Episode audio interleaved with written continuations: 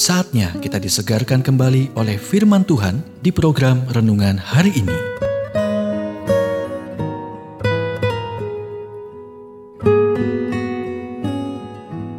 Renungan hari ini berjudul Mengatakan Sebagaimana Adanya. Nats firman Tuhan diambil dari Efesus 4 ayat 15. Tetapi dengan teguh berpegang kepada kebenaran di dalam kasih, kita bertumbuh di dalam segala hal ke arah Dia, Kristus yang adalah kepala. Sulit untuk menghadapi teman ketika ada masalah.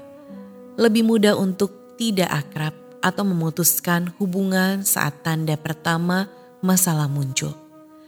Tetapi Alkitab berkata, Amsal 24 ayat 26, Siapa memberi jawaban yang tepat mengecup bibir Keterbukaan memperdalam hubungan dan menjaga persekutuan kita tetap baik, membebaskan kita untuk berbicara kebenaran dalam kasih. Tidak ada lagi kebohongan atau kepura-puraan. Katakan yang sebenarnya pada saudaramu. Ingat, karena itu buanglah dusta dan berkatalah benar seorang kepada yang lain, karena kita adalah sesama anggota. Efesus 4 ayat 25 Hubungan melibatkan orang membuat kesalahan dan kekacauan. Teman harus dapat mengandalkan satu sama lain, tidak hanya untuk bergembira dengan pujian, tetapi juga untuk aturan dan koreksi. Berpegang teguh pada persahabatan berarti karena kita peduli pada dalamnya persahabatan, kita perlu punya keberanian untuk berbicara ketika seorang teman perlu mendengar teguran. Persahabatan sejati mendatangkan sukacita dan tanggung jawab. Menghindari berbicara jujur tentang masalah itu berbahaya atau di luar kehendak Tuhan sama dengan mencemarkan persahabatan.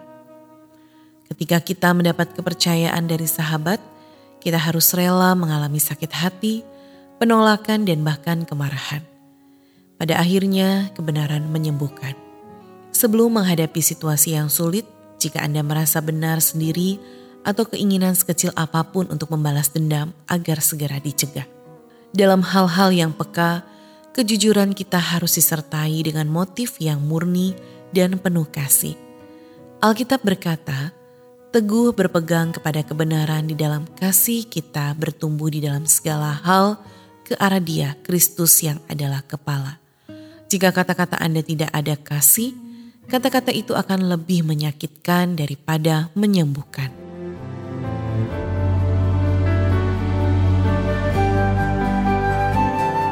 Kita telah mendengarkan renungan hari ini.